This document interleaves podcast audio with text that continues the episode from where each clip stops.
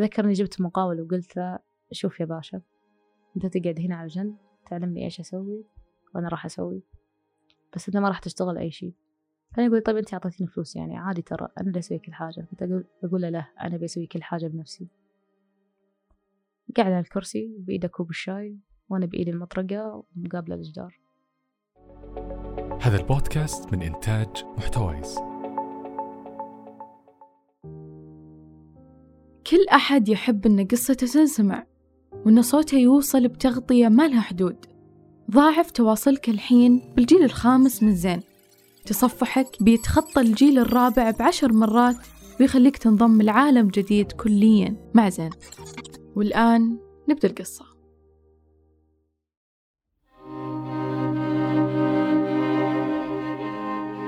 سين حرف من أحرف اللغة العربية. يرمز للمجهول. المجهول الذي لم تستطع تجاهله بطلة قصتنا بل عاشت معاناة كل من سين وجاهدت لترميم سقف كل متعفف. تحكي لنا زهرة قصة هذا الحرف الذي ألهمها لتغيير حياة العشرات من العوائل والمئات من المتطوعين.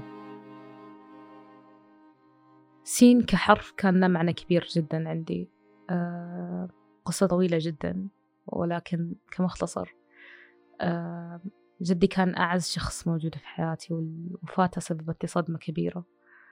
كان دائما يجيني في أحلامي يقول لي زهرة سامحيني.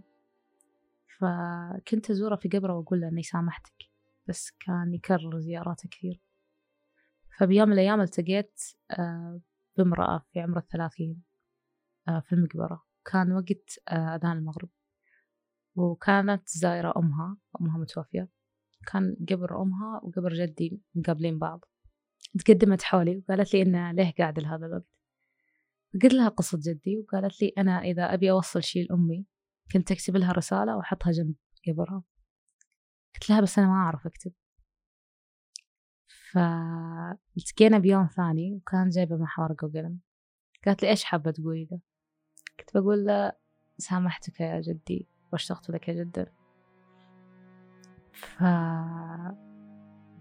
إنها قالت لي أكتب حرف السين أول. حاولت أكتب ما عرفت. وحطت إيدها على إيدي وبدأنا نكتب أول حرف سين. بعدها فجأة انهرت من البكاء وهي كملت عني الرسالة. بعدها ما صرت أحلم جدي وهو يقول لي سامحيني يا زهرة. تعلقت بحرف سين جدا. آه وتعلقت بتلك المرأة بشكل كبير. آه في الحقيقة هذه المرأة هي اللي آه علمتني أشياء كثيرة. كانت لي مثل أم. آه لحدث ما هذه المرأة هي اللي كانت تحب التطوع بشكل كبير. كانت تحب الكتابة كانت كاتبة رائعة جدا جدا. وكانت دائما تحثني على أني أكتب لكن فشلت كذا مرة في طفولتي وتعرضت للتنمر بشكل كبير. فكنت دائما أتراجع وكانت دائما تقول لي أنا أتمنى أنك تكتبي كتابك في يوم من الأيام. بسبب الظرف ما آه، فقدت هالسنة كاملة. خلال هذه السنة كتبت أول رواية لي رواية سين على أمل أنها ترجع لي من جديد. ولكن للأسف فجأة بوسط يوم دراسي لما كنت في مرحلة متوسطة سمعت صوت القرآن لما يشغلوه إعلانا لوفاة أحد. انصدمت إن كانت هي الشخص المتوفي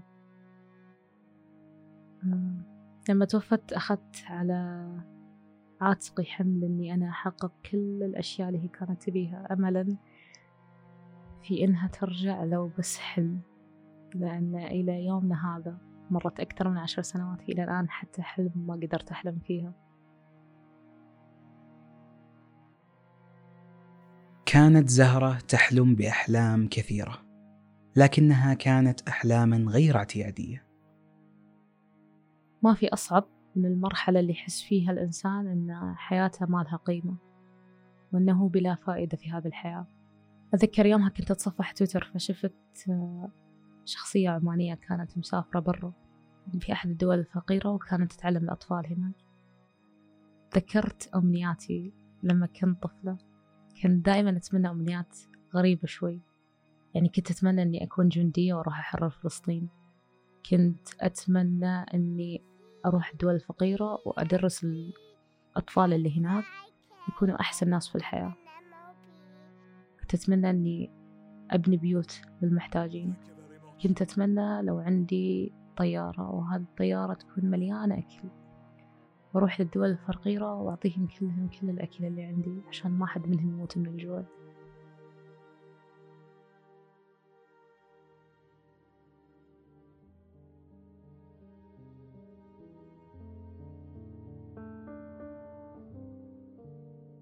لم تكن تظن زهرة أن كل ما حصل سيكون شرارة لانطلاق مشروع كان أكبر مما تتخيل.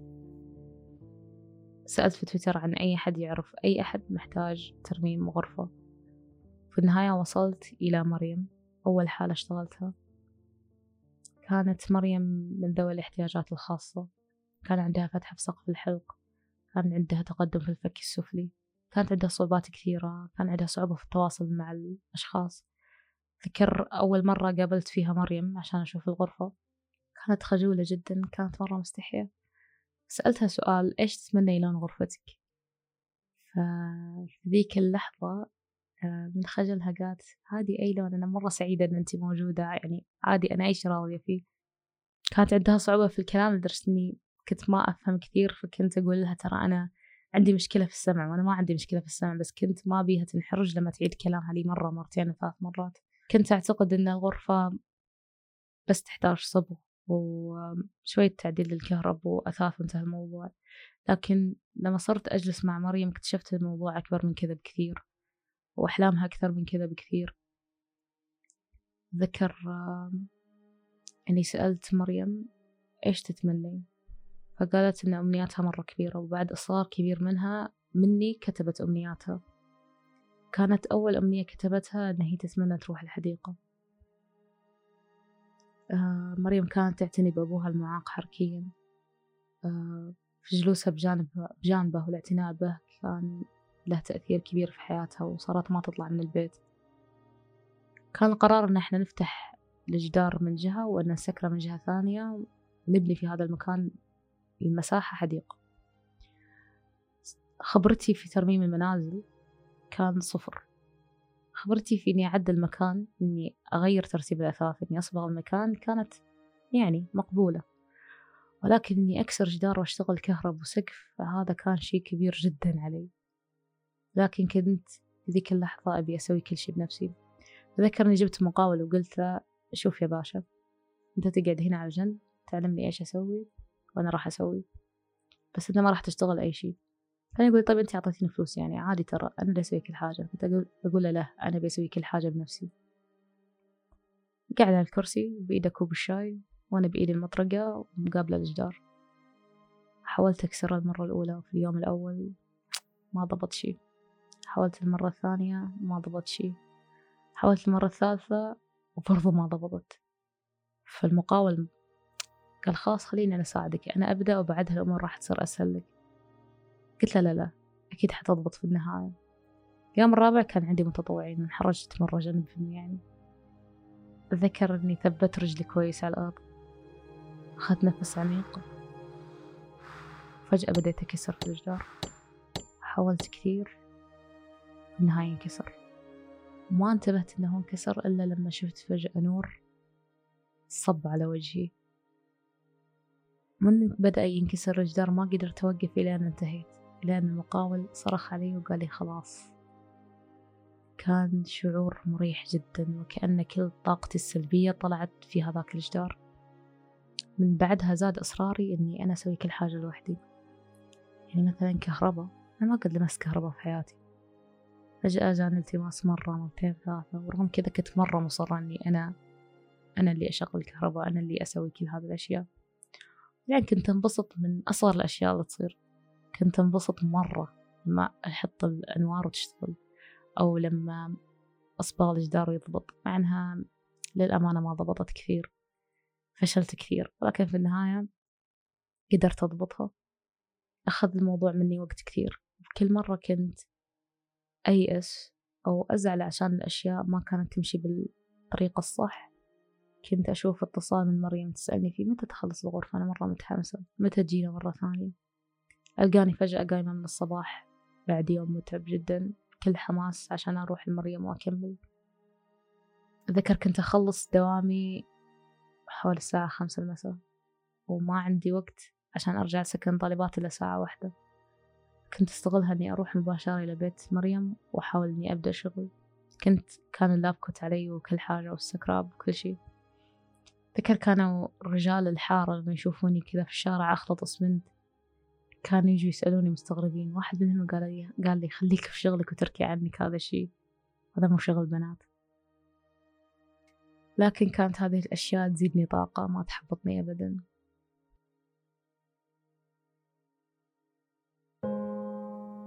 دائما تبدأ قصص النجاح برؤية. وأنجح الرؤى هي اللي بنيت على نقاط القوة. ونجاح رؤيتنا 2030 بدأت في التحول الصحي لأن صحة المواطن أولا. استمعوا للكثير عن برنامج التحول الصحي ومستقبل المملكة في بودكاست ديوانية التحول الصحي. تجدون الرابط أسفل في صندوق الوصف.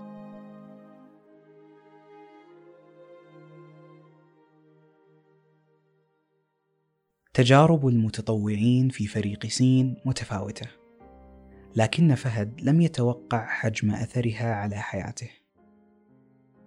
أهلا. أنا فهد من المنطقة الشرقية الدمام. طالب جامعي تخصصي إدارة أعمال.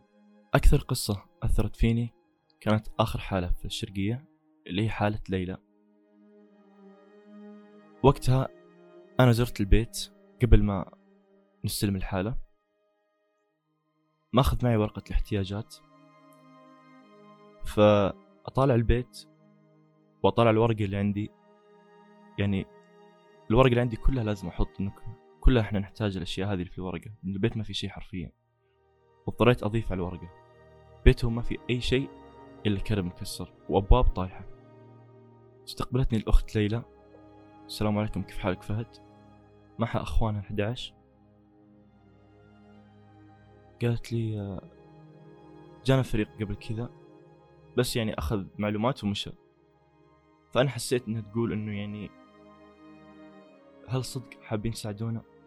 أو مثلا ممكن شيء يعرقلكم يعني وتقولون والله نعتذر منكم. قلت له والله أنا وعدك نسوي اللي نقدر عليه. كلمت الأخوان كلهم كل واحد فيهم. إيش تحتاج أنت؟ احتياجاتهم كانت بسيطة مرة. يعني أغلبهم كانوا يقولون احتياجي أنا ملابس جوال وظيفة. أحد الأولاد كلمته أنا قلت له إيش تحتاج؟ قال لي ملابس بس. قلت له فكر بعد إيش في شيء ناقصك؟ قال لي أمي والله أمها متوفية من عام 2016 أنا ما عرفت أقول له وقتها بس قلت له الله يجمعكم فيها بالجنة إن شاء الله وراح نساعدكم بإذن الله إنه البيت هذا يصير أفضل بيئة أفضل لكم كلكم وتشيلون بعض وأنا متأكد أن أمكم فخورة فيكم. أما أحمد فحكايته مع سين كانت مليئة بالذهول. أنا أحمد الوادي طالب جامعي طبعا وللأسف حصل لي ظروف ما قدرت أكمل دراستي. أذكر الحالة هذه اللي كانت في بدايتي مع سين. كانت أمنية الأب يشوف زوجته سعيدة. يقول آخر مرة شوف زوجتي سعيدة في زواجنا بعد ما أهداها قطعة ذهب. وإنه هي صار ظروف عليه واحتاجت بقطعة الذهب عشان تعالج بنتها آه بعد ما خلصنا الحالة وجابوا العائلة من فندق أو الظهر ما أدري إيش المكان اللي كان حاطينه فيه. آه دخلوا العائلة البيت و وريناهم البيت غرفة غرفة. المتطوعين كانوا موجودين ومتجمعين في الصالة. آه، شرينا قطعة ذهب للأم اللي خسرت قطعة ذهبها وسوينا لهم زواج شعبي بسيط. آه، فرحة الأم وسعادتها كذا لا إرادي مسكت قطعة الكيك ومشت على المتطوعين واحد واحد وقامت طعمينه بيدها. وكل ما طعمت متطوع تحب على راسه. آه،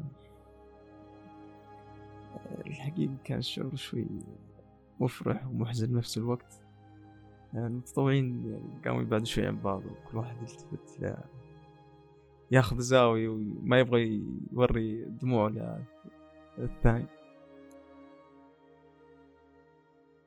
علاقة زهرة بالمتطوعين لم تكن اعتيادية أو تحتكر على إعطاء الأوامر أو تنفيذ المهام. وجدت زهرة جزءا مفقودا لم تكن تعرف أنها تبحث عنه.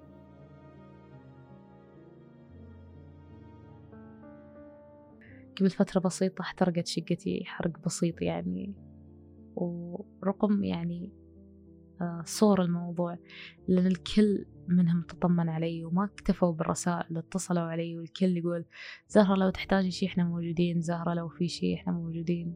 نخلي سين اليوم أنت حالتنا الجديدة بس أهم شي تكوني مرتاحة وسعيدة ولا تشيلي هم. آه في لحظات كثيرة طحت فيها في مشاكل لقيتهم جالسين ينقذوني. سين عرفني على أشخاص جدا رهيبة أشخاص ما كنت أتخيل في حياتي كلها أنها راح يكونوا موجودين فيها أصلا. آه فأنا ممتنة لهم. بعد الكثير من البيوت المرممة والأرواح المطمئنة تختم زهرة بما وصل له سين من إنجازات.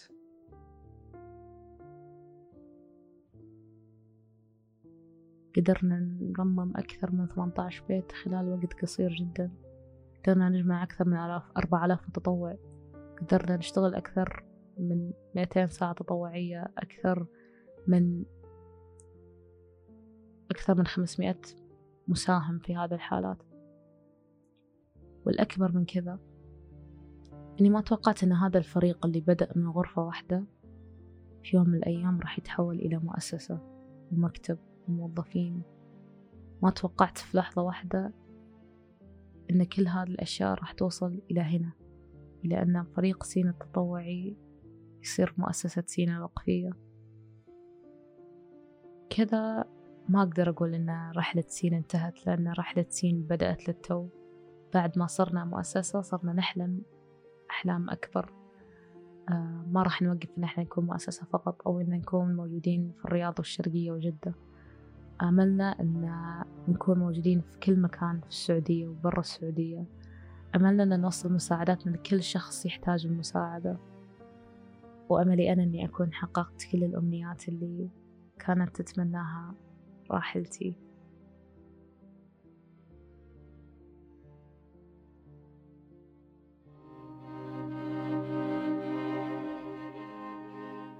الحياة بحر واسع من الاحتمالات. وهناك مكان شاسع للدهشة وكل منا قصة تستحق أن تروى. ومع أن المثل الشهير يقول فاقد الشيء لا يعطيه لكن زهرة كانت تعطيه بسخاء لا محدود لترمم فيه روحا أو أرواحا. فانظر في داخلك وفيما حولك بحثا عن القصة التالية. فالقصة لا تموت القصة تحيا إلى الأبد.